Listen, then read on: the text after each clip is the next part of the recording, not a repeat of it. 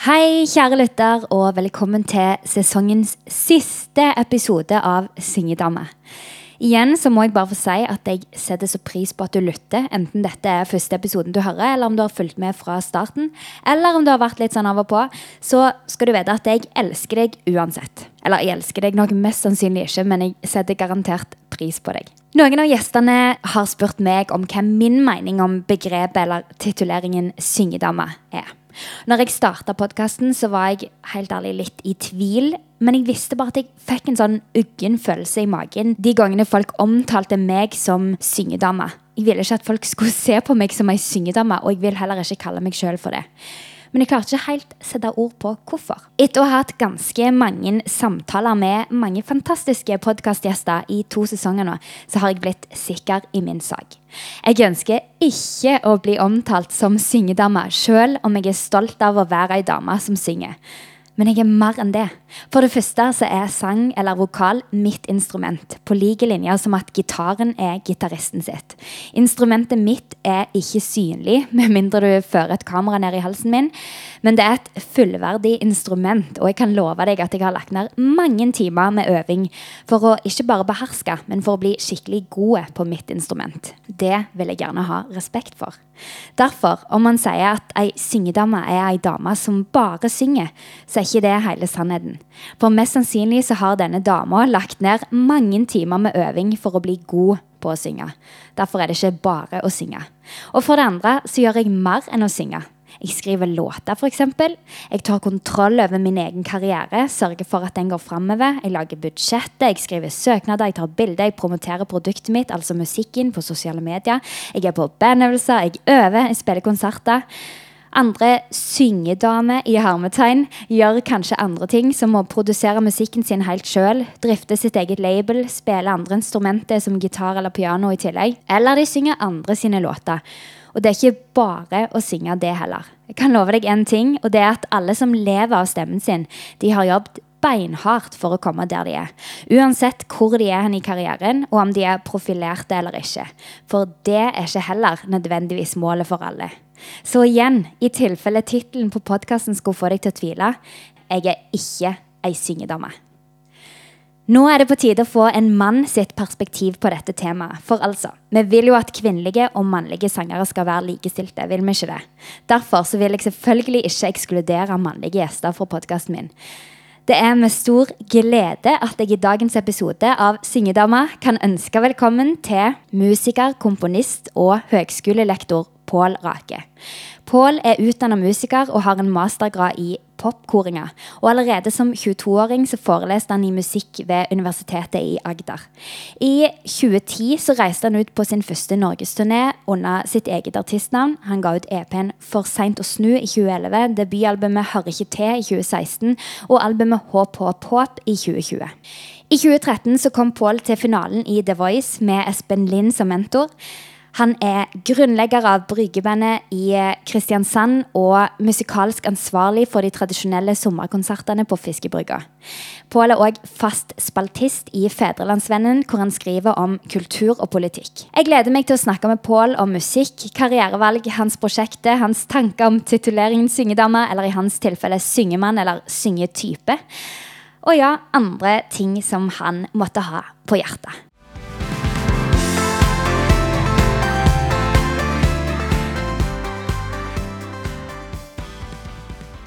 Ok, Men du hører deg sjøl? Loud and clear. Ja, ok, så bra. Um, hei, Pål. Hei, Hege. Kjekt at du vil være med i podkasten. Tusen takk. Det er veldig koselig allerede. Ja. ja. Dette er jo sesongens siste episode. Har jeg sagt det? Nei. Altså sesong to sin siste episode, Ok, ja. ifølge min Ifølge det... min releaseplan. Ja. Men ja, så, det, så denne slippes nok sånn før jul. Nettopp, nettopp. Ja. men det passer godt. Ja. Og du er eh, den første mannlige gjesten i Syngedama. Er det sant?! Ja. Oi, det føler jeg er en stor ære, altså. Ja, ja, det er veldig bra.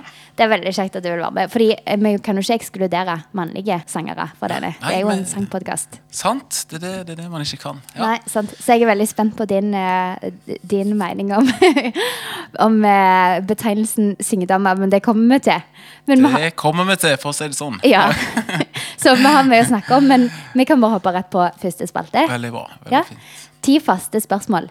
Ja. Det er noen litt nye Nå er det jo ikke nye lenger, da, for nå har det vært en del episoder denne sesongen. For men meg er de nye. nye. Ja, de Ja. er nye for deg. Ok. Jeg er jo stor fan. Jeg kan jo, altså jeg har hørt hele våren. Og jeg, så, så jeg, de, jeg kjenner til de, de spørsmålene fra første sesong. Kjempestor fan. Men det, da er det gøy med litt det at det er noe nytt. eh, Ja, det er sant. Litt variasjon. Ok, Spørsmål nummer én. Hvorfor synger du? Å, det er et eh, spennende spørsmål. Altså, jeg synger jo eh, Altså, rent profesjonelt så synger jeg jo eh, fordi at folk betaler for det. Neida, Jeg, jeg synger jo eh, Jeg tenker jo at sang er jo en For meg er det helt naturlig eh, en naturlig ting, som å spise og sove, og sang er liksom Ja, det er en måte Det er det som gjør, å- gjør oss til mm, ja, mennesker, tenker jeg. Musikk og kunst. Kunst å kunne uttrykke noe eh, musikalsk. Så det Derfor synger jeg. Altså, jeg, jeg er jo liksom forkjemper for eh, at musikk skal være Det skal ikke bare være på scenen og eh, veldig sånn polert, men at, at pianoet skal stå helst på kjøkkenet, og at man skal spille og synge gjennom hele dagen. Så de som bor tett på meg, de eh, opplever mye sang og, og sånn, som ikke eh, handler om liksom å framføre noe, men som handler om bare, å bare ja, uttrykke seg. Mm. Ja. Å, så fint. Men er det sånn Ja. du skriver òg i løpet av dagen? Låtskriving er jo en sånn naturlig ting. Som jeg bare Jeg husker at jeg skrev eh, musikk eh, før jeg skjønte at jeg gjorde det, på en måte. Ja. eh, Når jeg var yngre. Men, så, så det er jo en sånn Det er nesten en sånn der legning. At når man er låtskriver, tenker jeg at det er bare noe som Altså, jeg underviser jo litt i musikk, og jeg syns jo egentlig ikke det er sånn Jeg håper jo egentlig ikke at det er sånn at noen er bare født sånn, på en måte. Også at, jeg, at det ikke kan læres. Jeg Nei. håper jo og ønsker jo at alle egenskaper kan læres.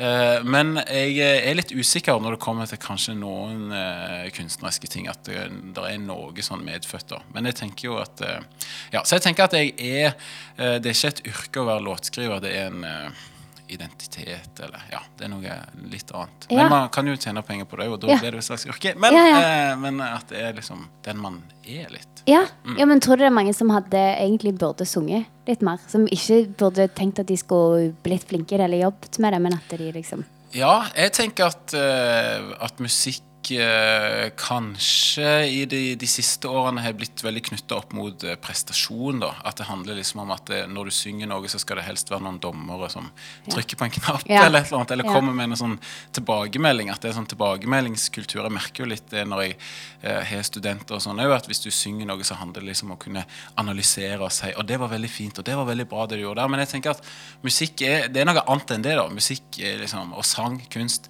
det er noe som, eh, som eh, burde bare være. Som ikke skal liksom analyseres alltid, da. Men eh, altså, i en sånn der eh, kontekst når man er sanglærer, og sånn som meg og deg er kanskje, og, og har vært mye i den konteksten, så blir det jo ofte litt sånn vurdering. og ja, Så vi blir kanskje litt sånn eh, Får en arbeidsskade av det. Ja, ja det er sant. Jeg tenker sånn, Bruksmusikk, slå et slag for bruksmusikken. At du, alle skal synge med den stemmen de har. Og eh, det handler jo bare om å altså Det har jo vært forskning på det at man regulerer følelsene sine gjennom å lytte til musikk. Ja. Eh, Det er, jo, er det jo blitt forska på. Jeg tenker jo at, at man kan regulere følelsene sine òg med å uttrykke og synge. da Ja, Så det har får jeg gjort hele livet mitt, så Ja. Ja, kan det- anbefales. Ja, ja, men det er jeg så enig i. Spørsmål nummer to. Har du en favorittvokalist? Oh, eh, ja, jeg, jeg har jo mange favoritt... Altså, eh, vokalister som sådan. eh, men, eh, men hvis jeg liksom skal løfte opp eh, eh, en som jeg hører mye på nå, så er det en som heter Theo Katzman. Eh, Som er sånn LA-basert eh, fyr. Som er, jeg tror han er på min alder. Og jeg syns han skriver veldig fine låter. Og så har han liksom den, det som jeg tenker at er den perfekte kombinasjonen mellom sykt bra time og bra intonasjon og veldig stor range og gjør, kan gjøre mye med, med stemmen sin. Så det liker jeg veldig godt. da. Så han, han har jeg begynt å høre på i det siste, de siste årene. har et album som heter Live in eh, Berlin, som er yeah. dødsbra. bra. Så, så han har jeg hørt litt på. Men altså, jeg har jo mange favorittvokalister. Jeg, og jeg husker jo eh, første gang jeg hørte deg synge, Hege, så Ja. syns jeg det var utrolig vakkert. Så oh. det er ikke sånn at jeg, jeg har liksom en sånn uh, uh, gudinne eller gud som er liksom men, men jeg er veldig glad i han. Altså, I min ungdom så var jeg veldig glad i Billy Joel, og er jo fortsatt det. Altså, den musikken man hører i de formative årene, den blir jo ofte med videre. Så Billy Joel, selv om jeg har skjønt at jeg er kanskje Norges eneste Billy Joel-fan Så øh, altså, øh, det er mange nordmenn som har hørt liksom de der Just The Way You Are og, og de fine låtene hans. Men, men altså, og jeg skjønner at det er noe i musikken hans som er litt sånn datert. Og han hadde ofte med seg en saksofonist som hadde liksom ett gir, og det heter forte fortissimo. Ja. Så øh, jeg skjønner på en måte innvendingene. Men jeg syns han er en utrolig bra låtskriver og vokalist. Altså. Har Ja. vunnet Grammys for Best Vocal Performance eh, mange ganger. også. han er en legende for meg, så når jeg hører på eh, hans sine låter, så det, det syns jeg er noe av det fineste jeg kan eh, få, det, altså. Ah. Fortsatt en dag i dag. Ja. Eh, ja. Men jeg, jeg, det er mange Det er ei som heter Hailey Jana Sing, Sings på TikTok, som jeg har hørt litt på i det siste. Som uh, Hun eh, bare sitter i en bil rett og slett og filmer seg sjøl og synger liksom oppå eh, allerede innspilt. Så det er veldig upolert, og det er veldig sånn rått. Og det, det har truffet meg veldig, da. Så eh, det er, mange, det er mye fint der ute. Jeg tror hun finnes på Instagram òg, men jeg står ikke Ja. inne for Jeg har måttet sjekke ut hvem, hvem denne dama var, og jeg står ikke inne for noe Altså Det var det sangstemmen jeg har falt for, og Ja. ikke noe annet. ja, jeg skjønner. Spørsmål nummer tre. Hvordan ser en typisk arbeidsdag ut? Ja, det er spennende. Jeg, jeg eh, eh, Altså Hvis vi ser for oss en arbeidsdag hvor jeg har en gig på, på kvelden, konsert på Ja. kvelden, da handler det om å eh, samla krefter for min del. Eh, og i de siste årene så har jo jeg eh, begått den eh, eh, Jeg har blitt veldig vant med å ha veldig lange konserter som varer i tre og fire timer. av en eller annen grunn. Så for meg så handler det om å få god natts søvn i forkant. Hvis jeg, det går greit uten, men det er jo veldig bra hvis jeg klarer det. Og så handler det jo om å ikke gjøre for mange ting på dagen. Altså kanskje gå og trene litt, en, eh, en eh, joggetur. Eh, Men ikke liksom for mange ting som tapper krefter. Så det handler om å sitte og svare på mail, gjøre litt forefallende arbeid. Ha litt sånn fokus på kosthold og sånne ting. Og bare egentlig chille, som det heter. Slappe av og bare samle krefter til kveldens eh, konsert. Men det er jo ikke alltid at jeg har konsert. eh, det er jo ikke alle arbeidsdagene som har ender med en konsert på slutten. Og da handler det jo om for meg å ha struktur og eh, lage Jeg er veldig glad i to do-list, og, og, og føler liksom ikke at jeg får gjort noe uten å ha en to do-list. Det gjør jeg egentlig hver dag, og òg i ferier og i, i helger og sånn. Ja. Så, så må jeg starte dagen min med å lage en liste over hva jeg skal gjøre. For ellers så føler jeg at jeg, at jeg, jeg risikerer at den dagen bare At jeg ikke får gjort Ja. noe. Og men det kan være at jeg skriver på den lista 'chilla'. Eh, Ja. Liksom, uh, ha, ikke gjøre noe. uh, ha ferie. Det kan være et punkt Ja. på lista.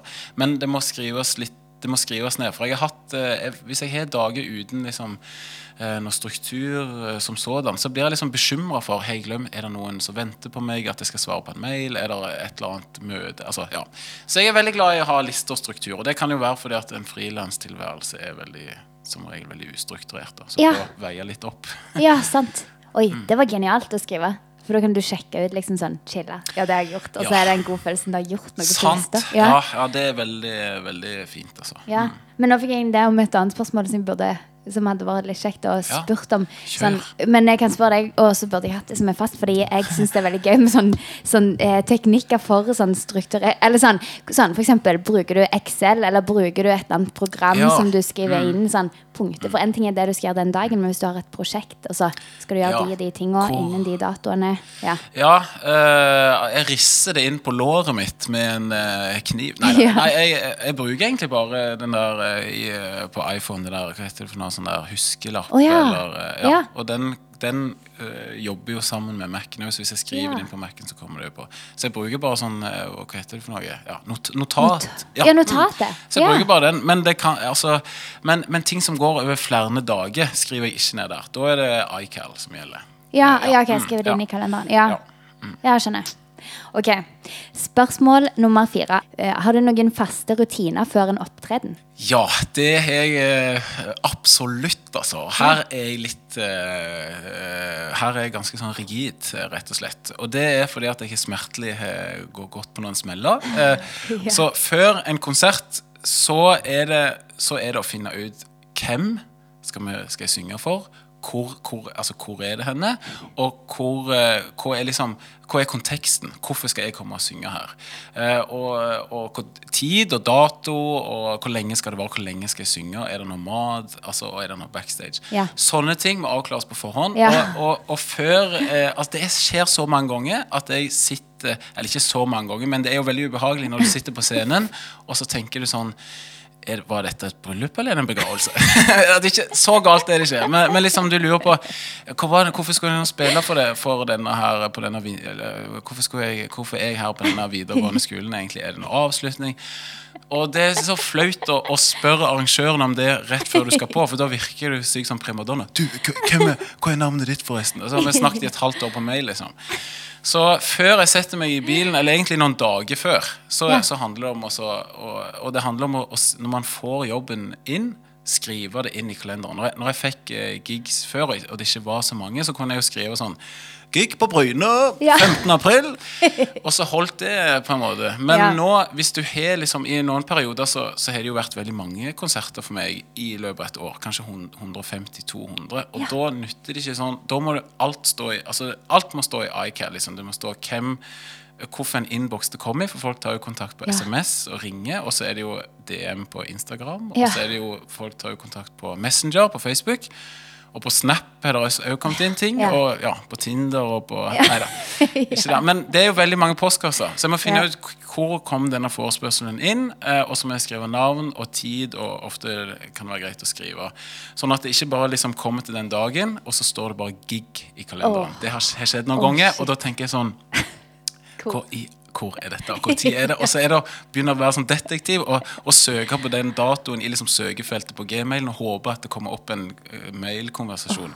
Ja. Det er, det er et par ganger at det har stått gig, eh, eller spillejobb, har det stått, og så har jeg vet, å, jeg husker ikke noen ting, og så bare lar jeg det gå den kvelden, og så sitter jeg liksom på nåle på kvelden og bare håper ikke at telefonen skal ringe. Men det har, jeg må si det at det, det har vært, blitt en del spillejobber opp igjennom, og nesten aldri har jeg glemt en spillejobb. Det må jeg si. Men nå, nå der er, altså, har vi god tid? Kan jeg, Ja, jeg kan også fortelle om når, når jeg glemte en ja. Og det, det var helt, helt forferdelig. Og det var etter det at jeg begynte med disse rutinene før gig. Altså, øh, og, liksom, øh, og da var det sånn at jeg satt i, i Nydalen i Oslo og støvsugde. Klokka var fem øh, på en helt vanlig november, og så ringte da en telefon eh, fra et stort eh, norsk eh, en stor norsk konsertsal eh, i en by som jeg ikke skal si. Men de ringte iallfall Ja vel, Pål. Eh, Og, og er du henne? Ja, den dialekten. Det, var- det har ingenting med Sørlandet å gjøre, dette her. Men, og eh, så sa jeg nei, jeg står her og støvsuger. Ja, du skulle jo ha lydprøve nå!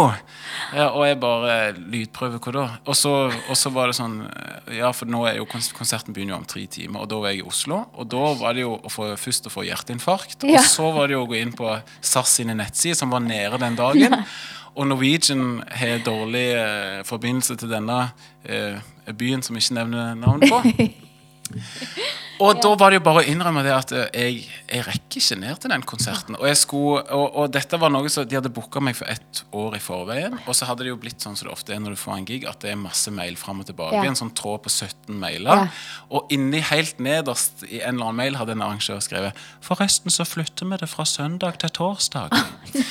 og det hadde jeg Jeg jo skumleser jo av og til litt mail. Og, og, så de hadde jo tatt en sjanse med at de liksom ikke understrekte at de hadde bytta dato. Så jeg tenkte jo at dette var på søndag, og så kom torsdagen, og så var det på torsdag. Og jeg, ja, øh, og jeg, skulle, jeg var jo 23 år, og jeg skulle få 25 000 kroner for den jobben. Og det Åh, er mye det. penger Ja. når man er 23 år og har levd på knekkebrød i de siste ti årene. Så, så det var å sitte den kvelden der i Oslo og sitte og se på Dagsrevyen og, og vite liksom Nå skulle egentlig jeg gått på scenen. Oh. Og publikum hadde kjøpt billetter til Pål Rake. Altså, det er jo ikke eh, Det er ikke så lett å få en vikar inn oh, med rødt hår og rogalands, eller sånn sørlands-rogalandsdialekt. Så, eh, men jeg, jeg ringte, og så fikk jeg en annen artist til å komme Ja. eh, og ha, en konsert for dem. Eh, Ja. og, og så sendte jeg blomster, og så kom jeg tilbake igjen og gjorde en gratiskonsert senere. bra. Prøvde å ta et Men etter det så måtte jeg tenke her er det rutiner. Her må vi rett og slett forandre på rutinene helt. Oi, og da er det kommer det inn en gig, så skal du skrive ned alt.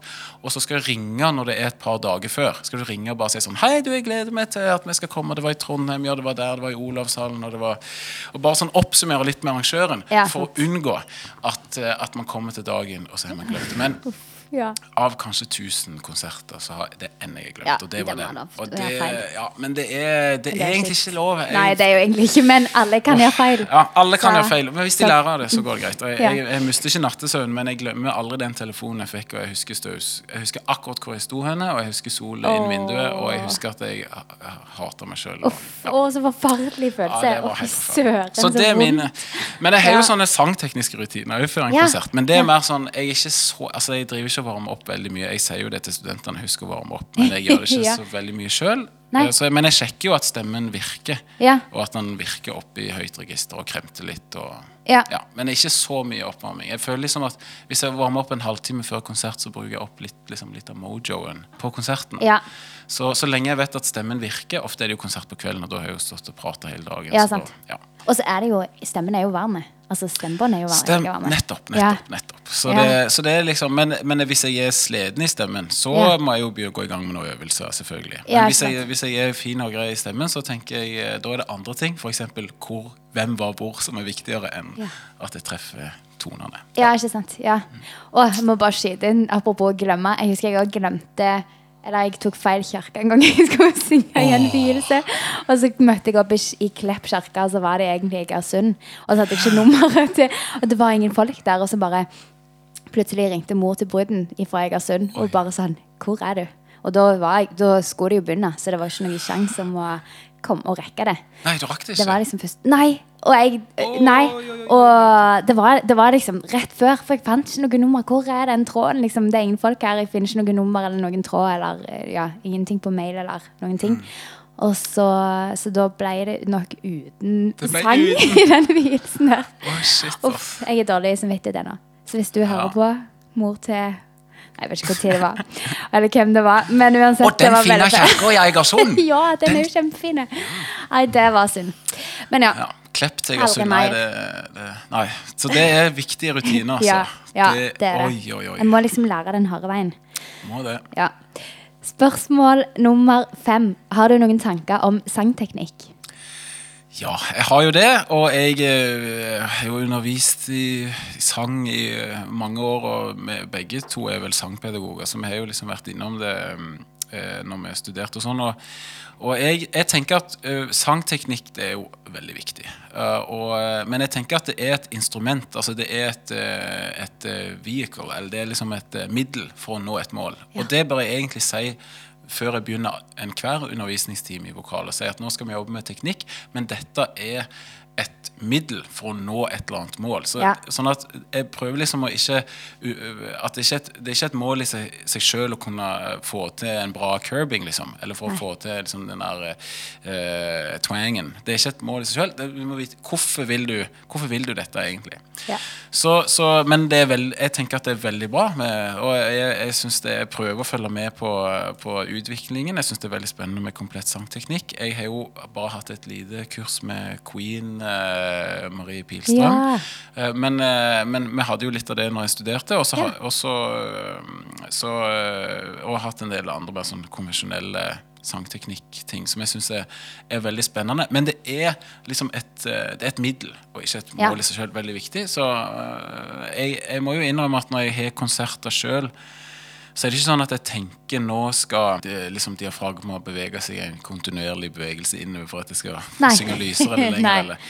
Men, men, eh, men jeg, jeg, det, jeg, det er viktig, altså. Og det er, jeg tenker at sangteknikk er et fag som er ganske nytt, egentlig. Jeg føler at det, det er mye litt sånn pseudo ute og går blant sanglærere, hvis det går an å kaste inn den brannfakkelen.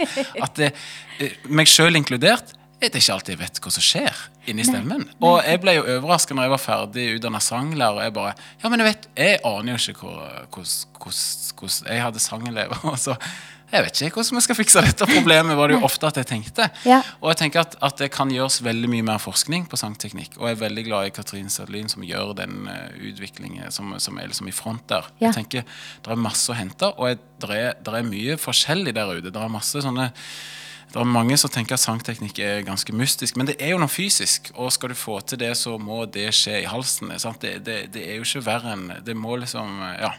Det må, ikke, det må avmystifiseres, Ja, tenker jeg, med sangteknikk. Og Ja. der, der er det fortsatt en lang vei å gå, tenker jeg. Ja, ja, absolutt. Spørsmål nummer seks. Har du en favorittmikrofon? Ja, det, det har jeg, altså. Og eh, altså, mine musikere de ler jo av meg. Fordi at jeg, jeg eh, De tenker sånn nå når du har liksom levd og vært sanger i så mange år, så bør du jo ha en dyre, fine mikk som du er liksom sverget til, og den passer stemmen min og sånn. Men, men jeg har liksom aldri eh, kommet meg til å, å, å, å Jeg har liksom aldri satt meg ned og testa liksom, av forskjellige. Jeg har gjort det et par ganger. På sånn. men, men, eh, men for meg så er det arbeidshesten Sure Beta 58. Ja. Den sverger jeg til. Og den, fordi at den tenker jeg alle lydmenn har jobba med den mikken Ja. der. Alle PA-anlegg vet at den mikken kommer til å brukes i dette P-anlegget. Ja. Så, så jeg eh, også eh, Ja, jeg har faktisk med meg en Det ligger liksom en alltid i bunnen av sekken her, på en måte. Og, og han er ikke så veldig dyr. Jeg vet ikke hva han koster 3000 eller sånn. Og jeg mister mikker og utstyr. Og hvis jeg da har en mikk til 15 000, Ja, som er liksom min mikk, Ja. det har jeg på en måte ikke råd til. Så jeg eh, sverger til den mikken, selv om jeg vet at den har sine flås. Men den, jeg syns den er bra. Den fungerer greit, og den eh, gjør jobben. Og så får jeg heller kompensere for det den ikke får til, da. Men, Ja, men um, ja, jeg er ikke en veldig sånn feinschmecker på det. altså. Nei, nei, det er sant. Og det er jo et godt poeng at det, det er jo en fordel når det er en mikrofon som alle kjenner til. Eller alle lydmenn. Alle lydteknikere kjenner, ja. kjenner til, liksom, og kan eh, Ja, har jobba med før. Det var det, det, det jeg tenkte. For det, det var en periode at jeg hadde med meg en litt dyr uh, mikk, men så følte jeg at det ble litt sånn der uh, Så var det kanskje ikke Ja. Nei, altså jeg kunne helt sikkert Her har jeg sikkert noe å gå på. Og eh, jeg synger jo med, med mange som har, de har med seg dyre, fine mikker, og det ser jo bra ut. Og, ja. Så jeg, jeg, eh, jeg har liksom aldri kommet meg til og jeg har tenkt nå skal jeg sette meg og gå inn på Finn yeah. og finne liksom, eller gå og lese masse reviews og sånn, men enn så lenge så er det Beta 58. Ja. Men ikke den som ikke er beta. Så det, det, den liker jeg ikke å synge gjennom. Nei. Det må være beta. Ja, okay. Spørsmål nummer sju. Hva drømmer du om? Ja, det Men altså, da tenker jeg jo at du ikke tenker på hva jeg drømmer om. Om natta? For Nei, det er kjedelig. Ja, det, hvis jeg skulle delt det, så hadde jeg havnet på psykiatrisk eh, med en gang. Men eh, nei, altså, jeg drømmer jo om Eller hva jeg liksom ønsker for uh, min uh, musikalske karriere, kanskje. Ja.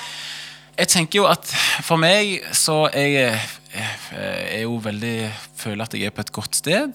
Og øh, det er ikke så ofte mye at jeg drømmer om at jeg skal det og det lenger, egentlig. Dessverre. Eller ikke dessverre, men at jeg føler at jeg Men, men jeg tenker nok at når jeg var litt yngre, så var det enklere å koble seg på den der eh, magiske verdenen. Altså når, før, når, før så kunne jeg liksom sette meg ned med et piano og så bare komponere en låt. Jeg, liksom, jeg var kobla på den der ja, det der stedet som, som vi musikere kan koble oss på. da. Og det, det blir lenger og lenger mellom de gangene. Så hvis jeg skulle ha eh, drømt om noe eller, eller ønska om noe, så var det at jeg klarte å beholde, beholde den der magien når jeg jobber musikalsk. da. Og det, det er ofte at jeg kan glemme det, men jeg, altså når jeg har konsert, så tenker jeg sånn Det handler om én ting, Pål, og det handler om å koble seg på. på en måte. Og ikke tenke på teksten, ikke tenke på publikum, eller, eller at jeg skal må huske. Så jeg må bare være på, for det er det det handler om. Det det som, det, jeg tenker at Selv om publikum jeg trenger ikke være helt uh, faglært og liksom være musikalske, men jeg tror de merker hvis man på en måte faker det, hvis det blir teater. da. Ja. Så for meg så handler det om å Hvis, jeg, hvis det kan være en drøm, eh, var kanskje litt uh, rart svar, Nei, men det var ja. veldig fint. Ja, Være litt sånn i sonen, på en måte. Ja, være i sonen, ja. Ja. Og ikke liksom uh, Og ikke miste det. Ja, sant. For jeg merker jo eh, Hverdagen er fylt opp med mange andre ting. Ja. Det blir sjeldnere og sjeldnere mellom hver gang. Altså når jeg var musikkstudent, og når vi gikk sammen på Lundehaugen, så skrev jeg jo låter hver dag. Og det var liksom den helt nat mest naturlige tingen å gjøre. Nå må jeg liksom sette meg litt mer ned og, og bruke mer teknikker og, og ja. Og det Man er jo redd hvis man ser på en kurve, så da blir det jo sjeldnere og sjeldnere at jeg klarer å koble meg på den i sonen. Ja, Så hvis det kan være en drøm, så er det å beholde det og være inni der. Iallfall når jeg har konsert og, og skriver musikk. da. Ja, sant. Å, det var så fint. Og, det, og det tar vekk litt nerver òg. Jeg vet ikke om du pleier å være nervøs, eller det virker ikke som du er nervøs, iallfall før du, når du er på scenen. Men jeg blir iallfall veldig sånn, kan bli veldig Ja, nervøs. jeg blir kjempenervøs. Blir du? Ja, ja, ja, ja, ja, ja, ja. Det bare viser ikke.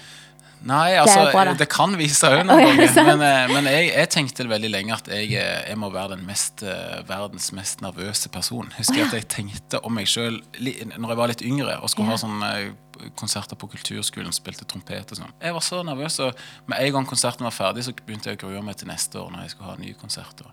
Ja, Så gal er det ikke nå lenger. Det er ikke Nei, så galt. Men, eh, men jeg kan bli nervøs, jeg, altså. Men, eh, mm. Ja, altså Når det kommer til nervøsitet, så, så det er jo studentene mine òg spør meg om det. Pål, jeg blir så nervøs. Har du noe, liksom, noen triks? Eh, og da pleier jeg jo å si jeg, jeg, Mitt det kjedelige svaret er jo å være godt forberedt. Ja. For hvorfor blir man nervøs? Man blir jo nervøs fordi at man tenker at noe skal gå galt. At man skal glemme en tekst eller glemme et eller annet eller skal liksom drite seg ut. Det er jo derfor, derfor jeg blir nervøs. Ja. Og hvis jeg da har øvd godt nok og forberedt meg ekstra godt, liksom, ordentlig godt, sånn Ja. tullete mye, da blir jeg ikke så nervøs. Så det er jo mitt svar. Eh, Men eh, jeg vet at det er noen som sier springe en runde rundt Kulturhuset og ta 15 armhevinger. Det hjelper sikkert det òg, men jeg tenker mye ligger i forberedelsen, da. Ja, absolutt. Og så er det jo musikk vi driver med. Jeg tenker, Hva kan gå galt? Ja, det er akkurat det. Eh, At vi liksom spiller en feil akkord.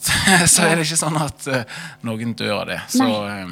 Og så er det ekte. Hvis det, er, hvis det ikke er så perfekt, så er det mer sånn Du skjønner at det er ekte. Liksom. Ja. Det oppleves mer ja. ekte og levende, kanskje, hvis det er litt feil òg. Nettopp. Da, ja, jeg tenker jeg burde vært mer nervøs for å ikke kunne koble meg på Ja. å være i sonen, enn å liksom voice den akkorden riktig. liksom. Ja, sant. Ja.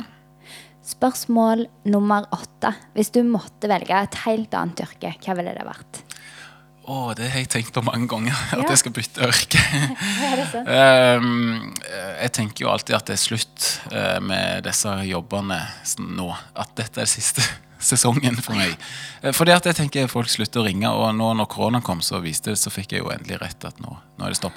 Så jeg har tenkt på det mye, og, men jeg, jeg har jo glorifisert litt den der ideen om kunstneren som en sånn fyr som, eh, som har sånn rufsete hår og er sånn Odd Nerdrum-type, som, som setter seg ned og utfører kunsten sin, og da begynner alle å grine. Men med en gang det skal betales en regning, eller lages noe mat, eller lukeparkeres, så, så går det helt galt. Altså, det har liksom vært min eh, drøm av det å være en kunstner. At det er liksom sånn, ja, eh, han, han, han, får, han får ikke til noen ting i livet, men når han setter seg ned med pianoet Ja.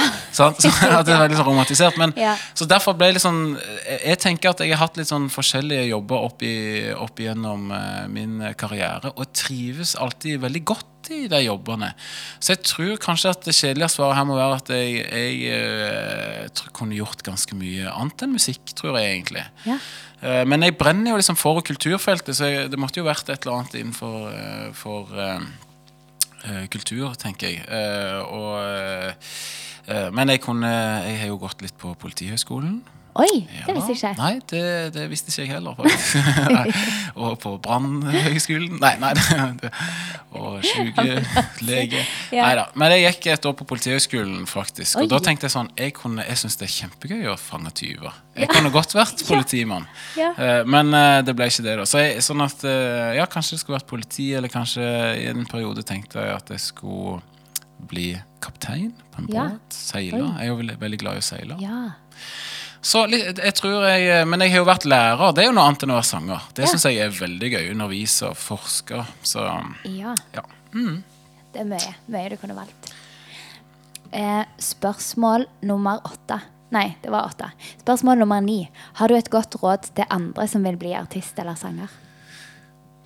Ja, jeg har jo gitt veldig mange råd opp igjennom. Ja. Eh, og svart på ting jeg ikke har peiling på. Så hvis jeg skulle gitt et råd, så måtte det vært ikke hør på mine Ikke lytt til mitt råd, til Ja, mine okay. råd. Ja. For jeg har jo hørt på mange råd, Ja. og det er litt vanskelig. Det er liksom ikke et, et, til et, eh, en bransje med, med, med enkle svar i. Eh, Så eh, jeg tror det måtte vært ikke hør på hva jeg sier. Ja, Det er mitt råd. Ja, men Det var et godt råd. For det er jo masse eh, forskjellige råd. Ja, jeg traff en gang ei- en sangstudent jeg var i i Oslo som bare møtte tilfeldig på gata, som jeg hadde hatt på videregående liksom for ti år siden. Og så sa hun til meg Pål, jeg husker når du sa at, eh, at jeg burde synge mer sånn. og etterpå det så har jeg bare sunget sånn. og, og hennes karriere hadde det jo gått kjempedårlig med. Nei, nei jeg bare tuller. Det hadde ikke det. Det hadde gått veldig bra. Men, men da, da tenkte jeg Jeg husker ikke den, eh, jeg husker ikke den episoden engang. Og da tenkte jeg sånn Oi, shit, jeg, det har jo en impact, Ja. det som jeg sier. Ja. Det, folk lytter til det. Så da jeg må veie mine ord noe veldig, altså. Ja. For hvis man sier jeg syns du skal begynne å synge mer på norsk, så slutter de helt å synge på engelsk, og så går vi glipp av en ny eh, Jeff Buckley, liksom. Ja. Så, så jeg eh, pleier alltid å si Eller ja, i det siste så har jeg i hvert fall begynt med å si at eh, hvis det føles riktig for deg, så er det riktig. Det er den eneste kompasset vi har i denne bransjen. Er det riktig for deg, gå for det. Ja, ja, det Ja, godt sagt. Men ikke lytt til det rådet. Nei, nei, sant. Spørsmål nummer ti.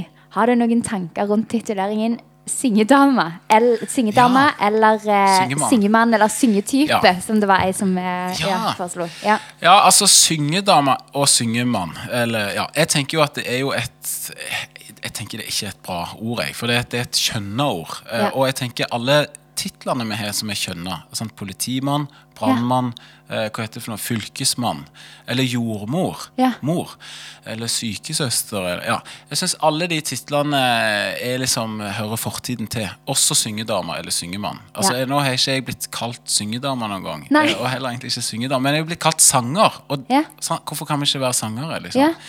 Så jeg tenker jo at det er et ord eh, som for meg eh, Hvis jeg, jeg tenker at det ordet må liksom ut av vokabularet Ja. mitt. Jeg, jeg føler ikke at det er et godt ord. Eh, så, så jeg tenker de, de kjønnede titlenes tid er over, Ja. rett og slett. Jeg er enig. Og så eh, ja, syngedama så det, eh, eh, det er ikke et ord som klinger sånn Å ja, du er ei sånn syngedame. Det klinger ikke så veldig godt hos meg, rett og slett. Nei. Så jeg tenker at, Men jeg så jo at det er en doktoravhandling på det ordet, syngedame. som Ja, jeg måtte, det- ja. Ja, på forskning.no så sto det Ja. noe jeg, var, jeg vet ikke om det var samme artikkel. Det, det var, men, kan eh, godt være det var. Ja, Ja. Jeg skumleste bare litt og skjønte at det var mange assosiasjoner med det ordet. Men jeg tenker jo, men jeg tenker jo at syngedama eh, Jeg skjønner hvorfor podkasten heter Syngedama, og jeg tenker jo at det er jo et eller, Syngedame er spørsmålstegn. Ja, syngedame spørsmålstegn. Fordi at jeg Ja. vil heller ikke bli kalt syngedame. Nei, Ja, nei, nei. men nei, ja, nei, nei, men ja. Men, uh, ja, så, men jeg tenker jo at, at det er jo i alle fall har vært et, Det er jo et eh, kvinnedominert yrke, tenker jeg, da. Iallfall på Ja. eh, Hvis vi ser på eh, moderne, liksom høyere norsk musikkutdanning, så Ja. er det jo Så jeg gjorde en uformell undersøkelse og fant at det bare var damer som underviser i vokal, med, som Ja, har faste stillinger. Ja. Det er ikke en eneste mann som har gjort det noen gang. Og det tenker Jeg er litt sånn, vi jobber jo, jeg brenner jo veldig for at det skal være damer som underviser i bass og gitar, for der er det mange menn som underviser. Jeg tror Ja. det bare er menn. Og der er det jo en stor aksjon om, kronikker opp og ned om at vi må ansette flere damer Ja. i hva skal jeg si, mannsdominerte instrumentgrupper som bass, tromme, produsering og sånn. Og det er jeg sykt for. Ja. Eh, og jeg er òg for at eh, vi skal få mannlige sanglærere inn i Norsk Akademia. Ja. Og jeg, eh, jeg var jo ansatt på Ansgar eh, høgskole, og da tror jeg kanskje at jeg var den første mannlige. Og jeg pleide liksom å, å si du vet, Dere vet at dere er ansatt den første mannlige, men da var det sånn Det var, det var ikke så stas. så, eller, så, sånn at jeg, jeg tenker der er det rett og slett en liten jobb å gjøre. rett Ja. Mhm. ja, sant. Så, ja. Og, ja, nei, Det er gode poeng, og jeg er helt enig. Og det er kanskje litt forvirrende at podkasten heter Syngedamer. For det er mange som har trodd at jeg har meint sånn Ja, vi er jo syngedamer. Eller jeg er jo ei syngedame. Og det er derfor jeg måtte ha på et spørsmålstegn for å liksom gjøre det tydelig. Men jeg vet ikke om det er tydelig nok. Men, men ja, jo. jeg er så enig, fordi jeg hadde litt sånn eh, Innfallsvinkelen var at jeg var litt sånn Jeg fikk en dårlig følelse når noen kalte meg syngedame. Og så Ja. visste jeg ikke helt hvorfor. Sånn, hva er det som er, hvorfor blir jeg Er det bare fordi at det er dame? At det er et, ja, at en blir satt i en bås fordi en er en dame som synger? Er det Ja. derfor? Men ja, det er kanskje det at det både er sånn Det er litt sånn eh, begrensende. ja, du er ei syngedame. Du kan sikkert ikke spille noe Ja. klare eller skrive noe eller produsere noe. At Ja. man blir satt i en Ja. Ja, det, jeg liker ikke det navnet. Nei. Det må ut. Ja, det må, ja enig. Men det, derfor er det sykt bra med det spørsmålstegnet. Ja. vi hadde jo aldri hatt denne Altså Vi hadde aldri fått løfta det fram hvis Nei. ikke du hadde hatt denne podkasten. så det er kanskje greit at han heter det. Jeg syns det er dødsbra, for da får vi liksom eh, snakket om Ja, det. på en måte sant, Og alt eh, som kan snakkes om, er av det gode. Ja, sant. Og så er det òg at ja, at det der at en ikke ville kalt en mann for en syngemann, og at det kanskje òg gjør Altså Hvis mange kaller kvinnelige sangere for syngedamer, så gjør det det òg litt mindre attraktivt for en gutt å begynne å Ja. synge eller tenke at dette skal jeg satse på, for det er litt Ja. sånn jentete. Det er syngedamer Ja. som synger, på en måte. Ja, altså, jeg, jeg, jeg har lurt på det. Hvorfor er det så eh, Altså, når jeg gikk på Når vi gikk sammen på Lundhaugen, Ja. så var vi jo liksom eh, Det var jo så få mannlige vokalister. Men det er jo, vi må jo tenke på det at guttene når de er 12-13-14 Ja. år, de får en helt ny stemme. Ja. Og hvis du da skal begynne å studere musikk, og så skal du synge med et instrument som er to-tre år gammelt, og så har du da jevnaldrende som har hatt sin stemme i 15 s- år. Ja. Og en mannlig stemme setter seg ikke før langt opp i 20-årene. ikke sant? Og da er du jo på en måte pensjonist som popstjerne, nesten. Sånn at eh, Å nei, ikke si det! Jeg er nei, nei, nei, nei.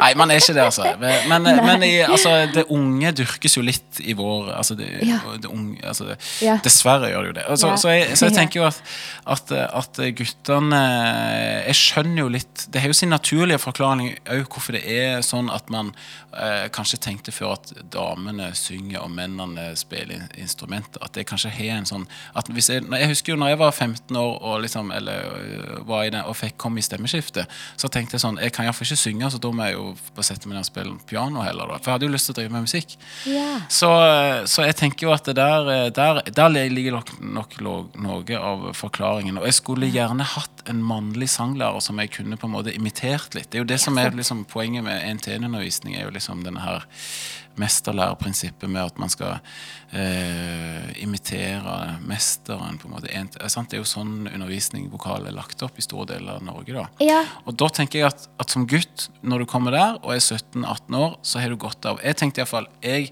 var jo veldig heldig og hadde sinnssykt bra kvinnelige sanglærere. Og ja. Martha? Eller? Martha, ja! Ja, The. Queen. ja. Og jeg har vært veldig heldig med, med, med det. Men jeg tenker, jeg husker at jeg jo tenkte jeg skulle gjerne hatt en mann som bare kunne vist meg hvordan det jeg Ja. gjør det. For det ble jo mye Altså Jeg som mann kan jo undervise da, kvinnelige sangelever, selvfølgelig. Og damer kan jo undervise menn, og en keyboardist kan jo undervise en gitarelev. selvfølgelig Det er mye overføringsverdi. Men akkurat det der med imitasjon, eh, som er på en måte det teoretiske grunnlaget for én-til-én-undervisning, Ja. dette med mesterlærerprinsippet, det forsvinner jo bitte litt når du på en måte har den stemmen som jeg har, og så har du en sanglærer som snakker sånn som dette. Ja. Så er det på en måte to helt forskjellige instrumenter. Kanskje Ja. litt, da. Og hvis du er, liksom, hvis du er en auditiv læringstype, og Ja, at du lærer best av å Lytte lytte og høre. og herme, så Sant. ja, da er for det, det er liksom eh, Hermingen og imitasjonen er jo litt av, av poenget med sånn eh, Ja. Så, der, det, så jeg tenker flere eh, damer inn i instrumentalgruppene som, som under, på undervisningsfronten, Ja. og flere menn som sanglærer, tenker Ja. jeg. Altså mer likestilt. Ja, sant. Ja. Å, det er så viktig. Og så det der med stemmeskift òg. Det kan jo òg tenke meg er ganske sånn eh, Eller det er jo selvfølgelig en veldig sånn sårbare tid for en gutt å gå gjennom. stemmeskiftet, og at stemmen Mm. svikter. For det, bare det å synge i seg sjøl er jo ganske sånn Det er jo ganske sårbart. Ja, det er jo en knekk for oss. Jeg skal ikke sette dere i noen offerrolle i det hele tatt, men Nei, liksom, nei, gutter som synger sant? De som har sunget veldig fint og vært veldig flinke Sølvgutten og sånn, Ja. når de kommer i stemmeskift Jeg har jo jobba mye med eh, I Kristiansand så er det jo Kaptein Sabeltann, og der er det jo en rolle altså Pinky er en sånn ungdomsrolle der. Ja. Og der har jeg blitt hanka inn et par ganger fordi at den gutten skal liksom være i den alderen hvor stemmeskiftet inntreffer. Og da er det sånn, å, Hvordan skal vi klare å gjennomføre en sesong til her, for nå er det liksom stemmeskifte. Så må vi jobbe masse med den problematikken. Og det er jo en sånn identitetskrise at Ja. den stemmen som jeg eh, liker, og som jeg har trent på i 10-12 år, nå er den, for, den er på vei bort, liksom. Og så kommer den helt ny og det, og, ja, det er en sånn eh, krise for eh, unge. Kan være for noen, da. Ja. Noen har jo et veldig sånn tydelig skille, mens andre så er det ikke så galt. Da. Så jeg skal ikke liksom krisemaksimere. Men det er iallfall en eh, Jeg har tenkt på det at det er kanskje en, en årsak til at det fortsatt er såpass kjønnsdelt i, Ja. eh, i 2021, for det burde ikke vært. Nei, altså. men det er jo eh, Det gir veldig mening. Um, nei, det er ja, viktig at det er Men først og fremst eh, fjerne det eh, begrepet syngedame. Syngedame. Ja, altså alle, alle kjønn, kjønner Ja, eh. Ja, de er vi egentlig litt ferdig med, tenker Ja, jeg da. ja så enig. enig.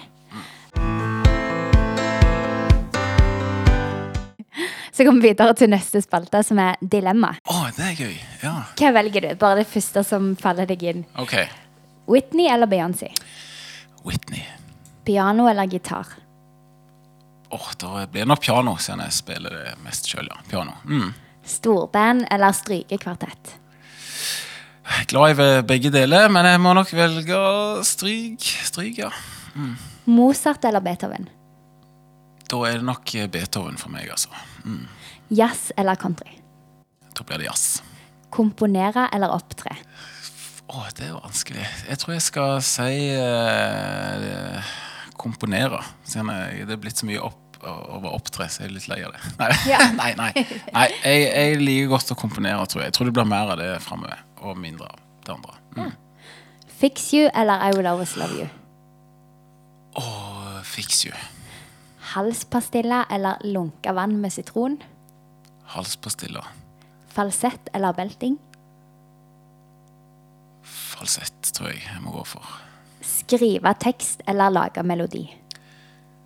Å, dette er veldig gode dilemmaer. Jeg, jeg tenker lage melodi. Mm. Ja. Ja. Ok.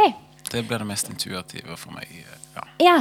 Men skriver du liksom, når du skriver en sang, skriver du, pleier du å skrive melodien først, og så kommer teksten? Eller hvordan gjør du det? Ja, ja jeg gjorde iallfall det i mange år. Men, eh, men eh, jeg prøver jo å veksle litt. eh, For jeg, så det er mange ganger at jeg setter meg ned med en tekst jeg allerede har. Og jeg syns egentlig det er en mye mer takknemlig jobb å ha teksten der. Ja. Fordi at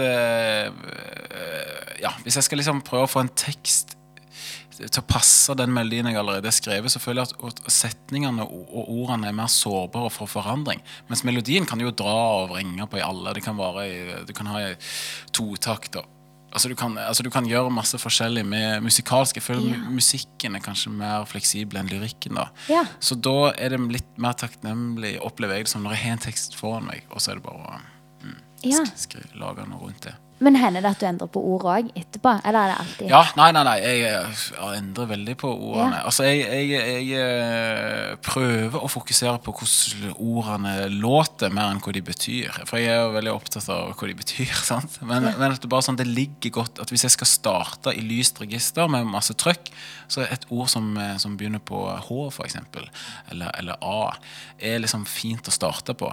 Ja. Hvis det er et ord som begynner på T, eller, ja, eller T, ja, så kan det liksom blokkerer litt. Så prøv å tenke litt Hva er det som ligger i godt i munnen, liksom? Ja. jeg, mm. Ja, det er sant. Og på vokalen òg, hvis du skal synge en høy tone. Så Å ja, det er digg å finne Når du finner den rette vokalen, Ja, så er det ja. sånn samme hva dette ordet. Ja. ja. Samme hva det handler Ja, om. ja, ja. Jeg bare tar det ordet der. Ja. ja, men det har ganske mye å si. Men kanskje du først forteller litt om For du har starta i musikklinja Ja. på Kristiansand eh, Folkehøgskole. folkehøgskole. Ja. Yes, Ja. vi, ja, den heter Rytmisk musikk og låtskriving. Eh, og der skal de jobbe med å spille i band og spille sammen, samspill, veldig mye. Og litt eh, sånn teori blir det jo. Og så er det jo jobbe med å skrive låter. Og så skal vi ut på Folkehøgskole Norges største turné. Vi skal på USA-turné.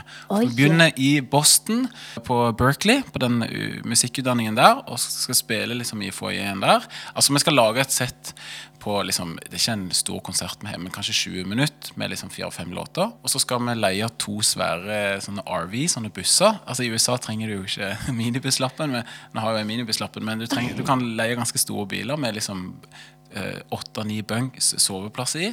To stykker av de, så er vi liksom 15 stykker på tur.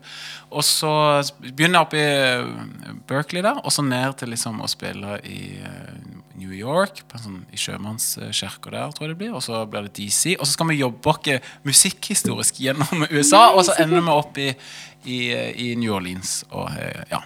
Så det, skal, det er liksom ideen. og og eh, det tar jo noen uker, og så skal vi liksom bo i bilen og, og rigge opp og ha Altså, vi skal spille sjøl. Vi skal på turné, da. Det, Ja. det er poenget. Men uh, nå er vi jo ikke starta året ennå, så, sånn at, uh, men det er liksom visjonen for Og så er det jo uh, rundt forbi og samarbeider kanskje med universitetet i, i Agder, og så har vi jo en sånn konsert. Ja, så vi skal um, Det blir veldig bra, tror jeg. Det blir spennende. Mm. Så kul. Jeg har veldig tro på folkehøyskole som skolekonsept, altså Ja.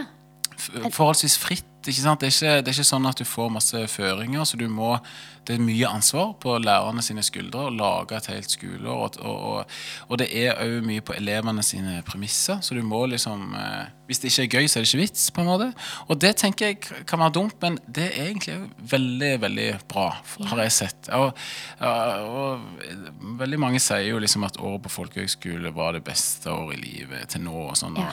Og jeg tror, jeg tror, ikke man liksom skal til, eh, Jeg tror jeg har fått veldig sånn hjerte for har du, Gikk du på folkehøyskole? Men jeg angrer litt på det, for det er veldig mange som sier at det var det beste året. Ja, ja jeg gikk heller ikke på. Nei, gjorde du ikke? Nei.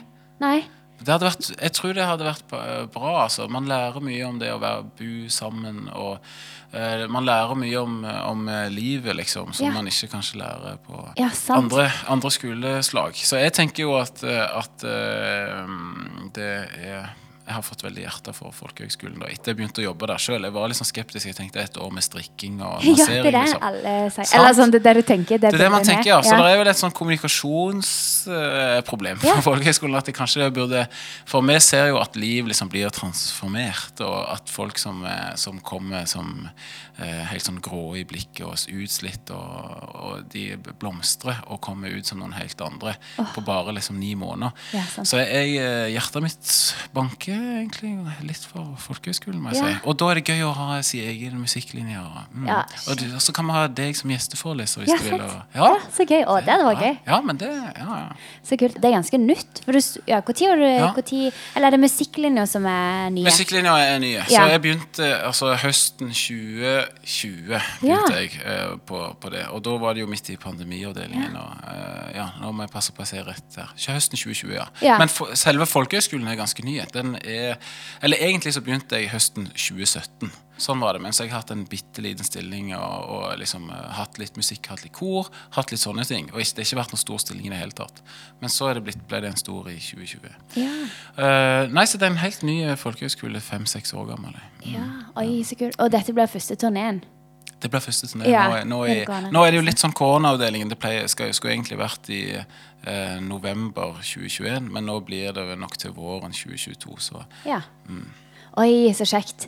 Så, men eh, er det sånn at folk må ha eh, bakgrunn i Altså, må de ha gått på musikklinja på videregående for at de skal melde seg? Eller, Nei, jeg håper ikke det, altså. Men, eh, men vi hadde jo flere søkere enn plasser. Og da må vi jo på en måte gjøre en slags utvelging. Ja. Og da eh, gikk det jo til dels på at, at jeg tenker passer denne gjengen godt sammen, for vi skal være tett sammen i, i to sånne turnébusser. Eh, men òg liksom, eh, i forhold til instrumenter, så vi kanskje bare har 18 bassister, på en måte. Nei, så, det, det, tenkte jeg på. Og så er det jo det musikalske nivået må jo være, tenker jeg, så på, sånn at man kan spille sammen. Ja. Så, så det, vi hadde sånn at de sendte inn en video av at de ja. spilte, og så ja. ja, sant. Mm. Er det noe øvre aldersgrense for å søke? Nei, det, det, var noen som søkte som var sånn 26-27, okay. og de, de, fikk ikke De fikk ikke gå? Ok. Eh, men de som kommer fra videregående, iallfall. Ja. Det, oh, ja, Har ikke du noen kids kanskje du kan jo, sende? Jo, kanskje sende de. Ja. Er de blitt? Eh, de er to og et halvt og fire og et halvt. Ja, så venter et par, et par år. Ja. ja.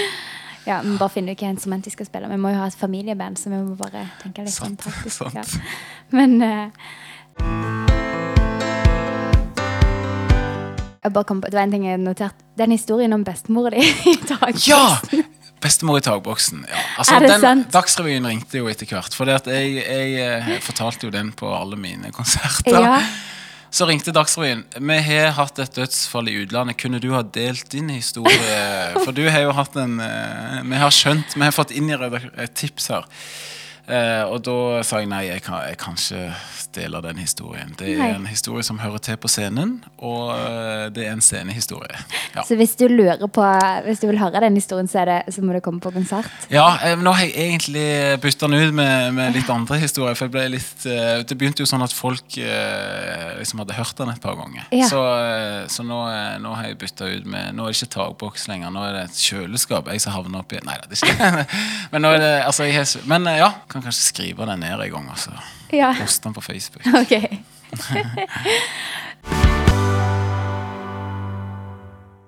men du ga ut album på i korona. Ja. koronatida. Ja. Håp, håp, håp. Hopp, hopp, hopp, ja. Håp, håp, håp. ja. Altså, det var et ord jeg aldri hadde sagt før jeg hadde bare skrevet det. Så det, ja, albumet heter Pop, Pop, Pop, Pop. Så jeg hadde aldri sagt det før.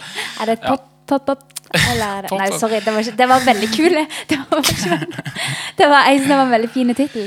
Og jeg lurte på om det, had, om det var tilfeldig at det, at det heter Håp, håp, håp, og at det kom Ja. i korona-året. Ja, det var egentlig litt tilfeldig, for det albumet var egentlig ferdig før koronaen kom. Eh, det, vi spilte det inn vinteren 20, eh, altså 18-19. Så det var egentlig ferdig, og så tenkte vi vi skal lansere det til høsten. Og så kom koronaen på våren. Så det var ikke sånn eh, Det var, det var egentlig tilfeldig, men, men det går jo an å eh, Albumet handler om at det fins håp, og at det kommer en ny dag, og det fins nye sjanser, og at eh, man kan starte på ny hvis man tenkte at dette gikk ikke så bra. Eh, og da tenker jeg at det passer jo greit i en, en sånn koronasituasjon òg, at mange har fått eh, ting snudd litt opp ned, og da kan det jo være greit å minne om at det, det vil aller helst gå bra til slutt. så det er det som jeg prøvde å si med det albumet. Altså jeg, når jeg var yngre, så skulle jeg liksom si, være litt sånn kritisk, og jeg hadde en sang som heter 'Får du som fortjent', og så hadde jeg en sang som heter som er sånn 'Mennesker er støv', liksom, og siterte på en måte litt sånn de mørke passasjene ifra liksom, eh, ja. så, men, men nå har jeg tenkt at jeg har ikke lyst til å være en sånn artist lenger. Jeg satt og hørte på mine veldig tidlige tekster, og da var det liksom sånn Det er mye mørkt der, og det er mye liksom sånn kritikk. Ja, eh, og det tenker jeg sånn eh, For det er livet mitt nå litt for kort. Så, jeg, så nå har jeg tenkt sånn Jeg har lyst til å lage et album som har oppdrift i seg, som handler om Ja. håp, og som har et eh, fint og Som kan være til trøst, da. Musikk Ja. til trøst. Å, det er jo veldig fint, og det er en kunst å skrive. Eh, oh, ja. sanger om håp eller om noe positivt. For det, eh, det syns jeg for deg er kjempevanskelig. Det er veldig vanskelig, for det kan bli liksom fullt av floskler og klisjeer. Og så, og så er det ikke alltid Altså Låter som har sånn positiv eh, teksttematikk, kan ofte virke litt sånn grunt.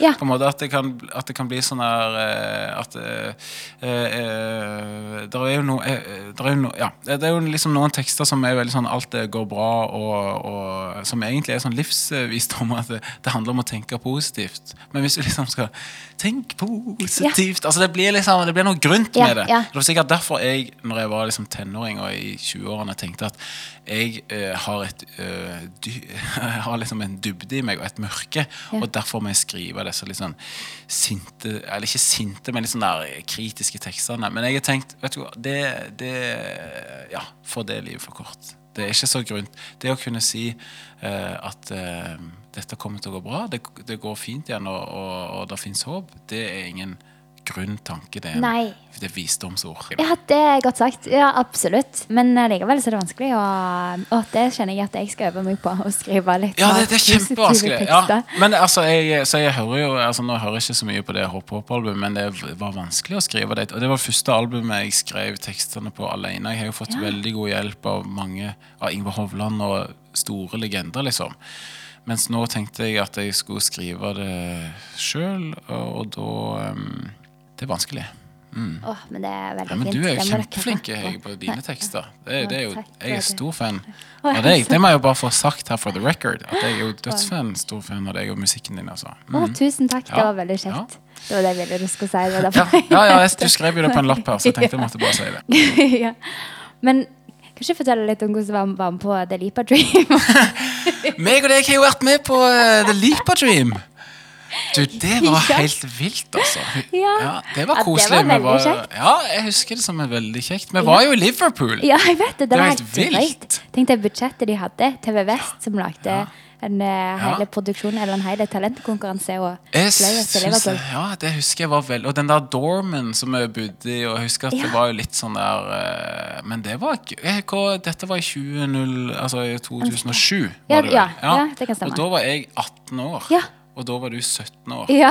Ja, så det, da var vi unge, altså. Ja, shit. Men det var svært å komme til den det det. veldig fine skolen. Lipa er jo en kjempefin skole. Ja. Og det, det var gøy. ja. Meg og deg var finalister. Nei, jeg røyk rett før, for jeg kom på fjerdeplass. Men du var, fin det var du, og så var Og så det kom jeg på Tredjeplass. Ja, oi, ok. Jeg vet ikke. Jeg, jeg- hus jeg husker bare at jeg ikke vant. Ja, det, ja, det var han, men jeg tror det var han i Carnival Kids som vant, og han Ja. reiste til Lipa. Eller han Ja. eh, ja. Veldig flink. Veldig Men ja, det var egentlig Men det var veldig gøy faktisk å være Det var gøy å være med på. Men vi er drakk jo øl òg noe i liv, liv. Nei, fordi at det, Jeg har tenkt på det om jeg òg var litt for unge, men jeg var kanskje 18 år. Ja, du Nei, var men det var på våren, ser du, så jeg var ikke blitt 18 jeg heller. Å nei, det var ikke det. Nei, Nei, nei, det var Så det var Shit, De vilt, passet altså. ikke godt nok på, de der nei. gjengene til vest.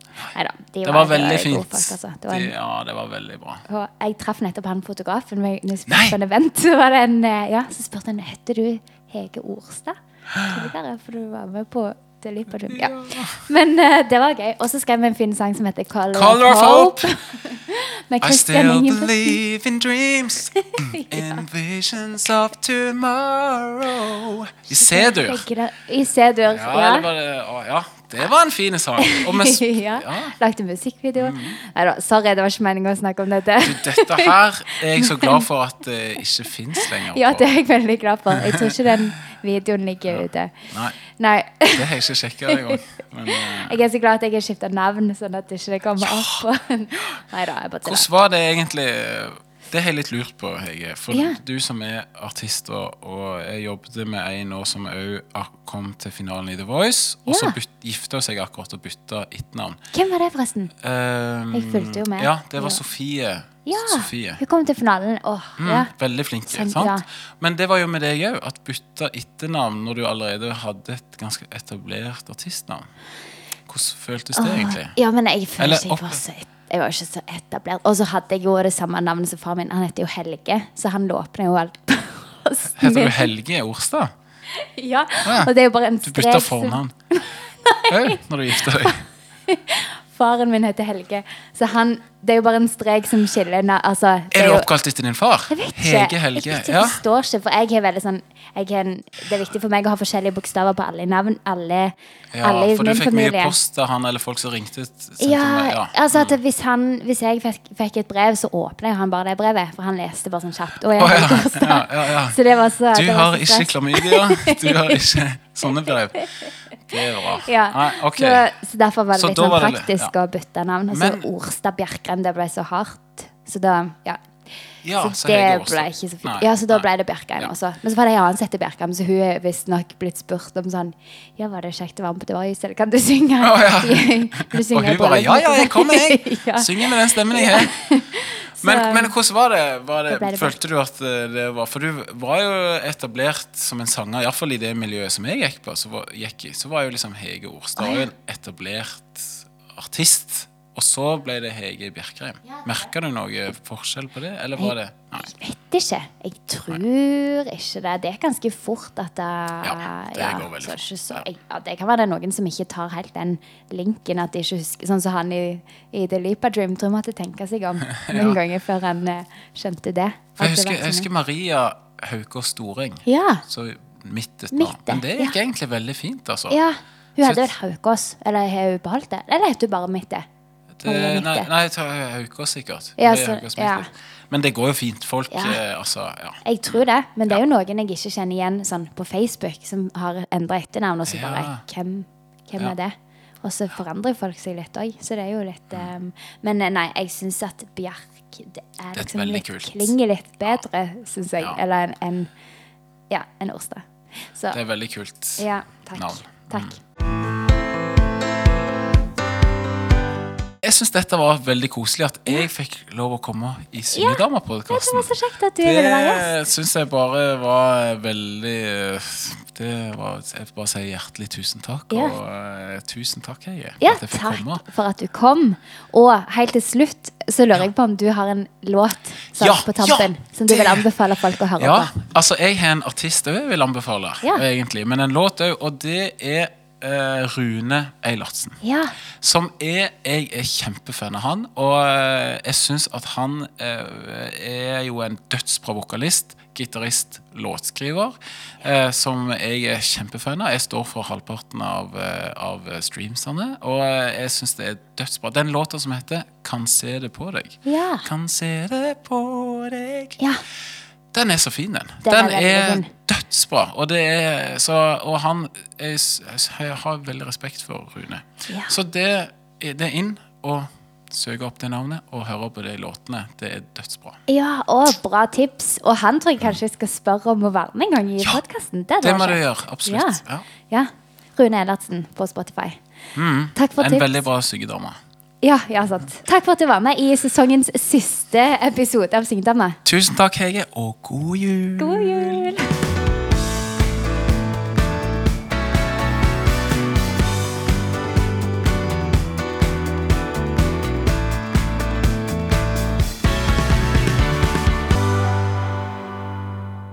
Takk igjen for at du hørte på Syngedama med meg, Hege Bjerk. Jeg er tilbake med ny sesong i 2022. Før den tid, følg gjerne med på Instagram, og så ses vi igjen etter jul.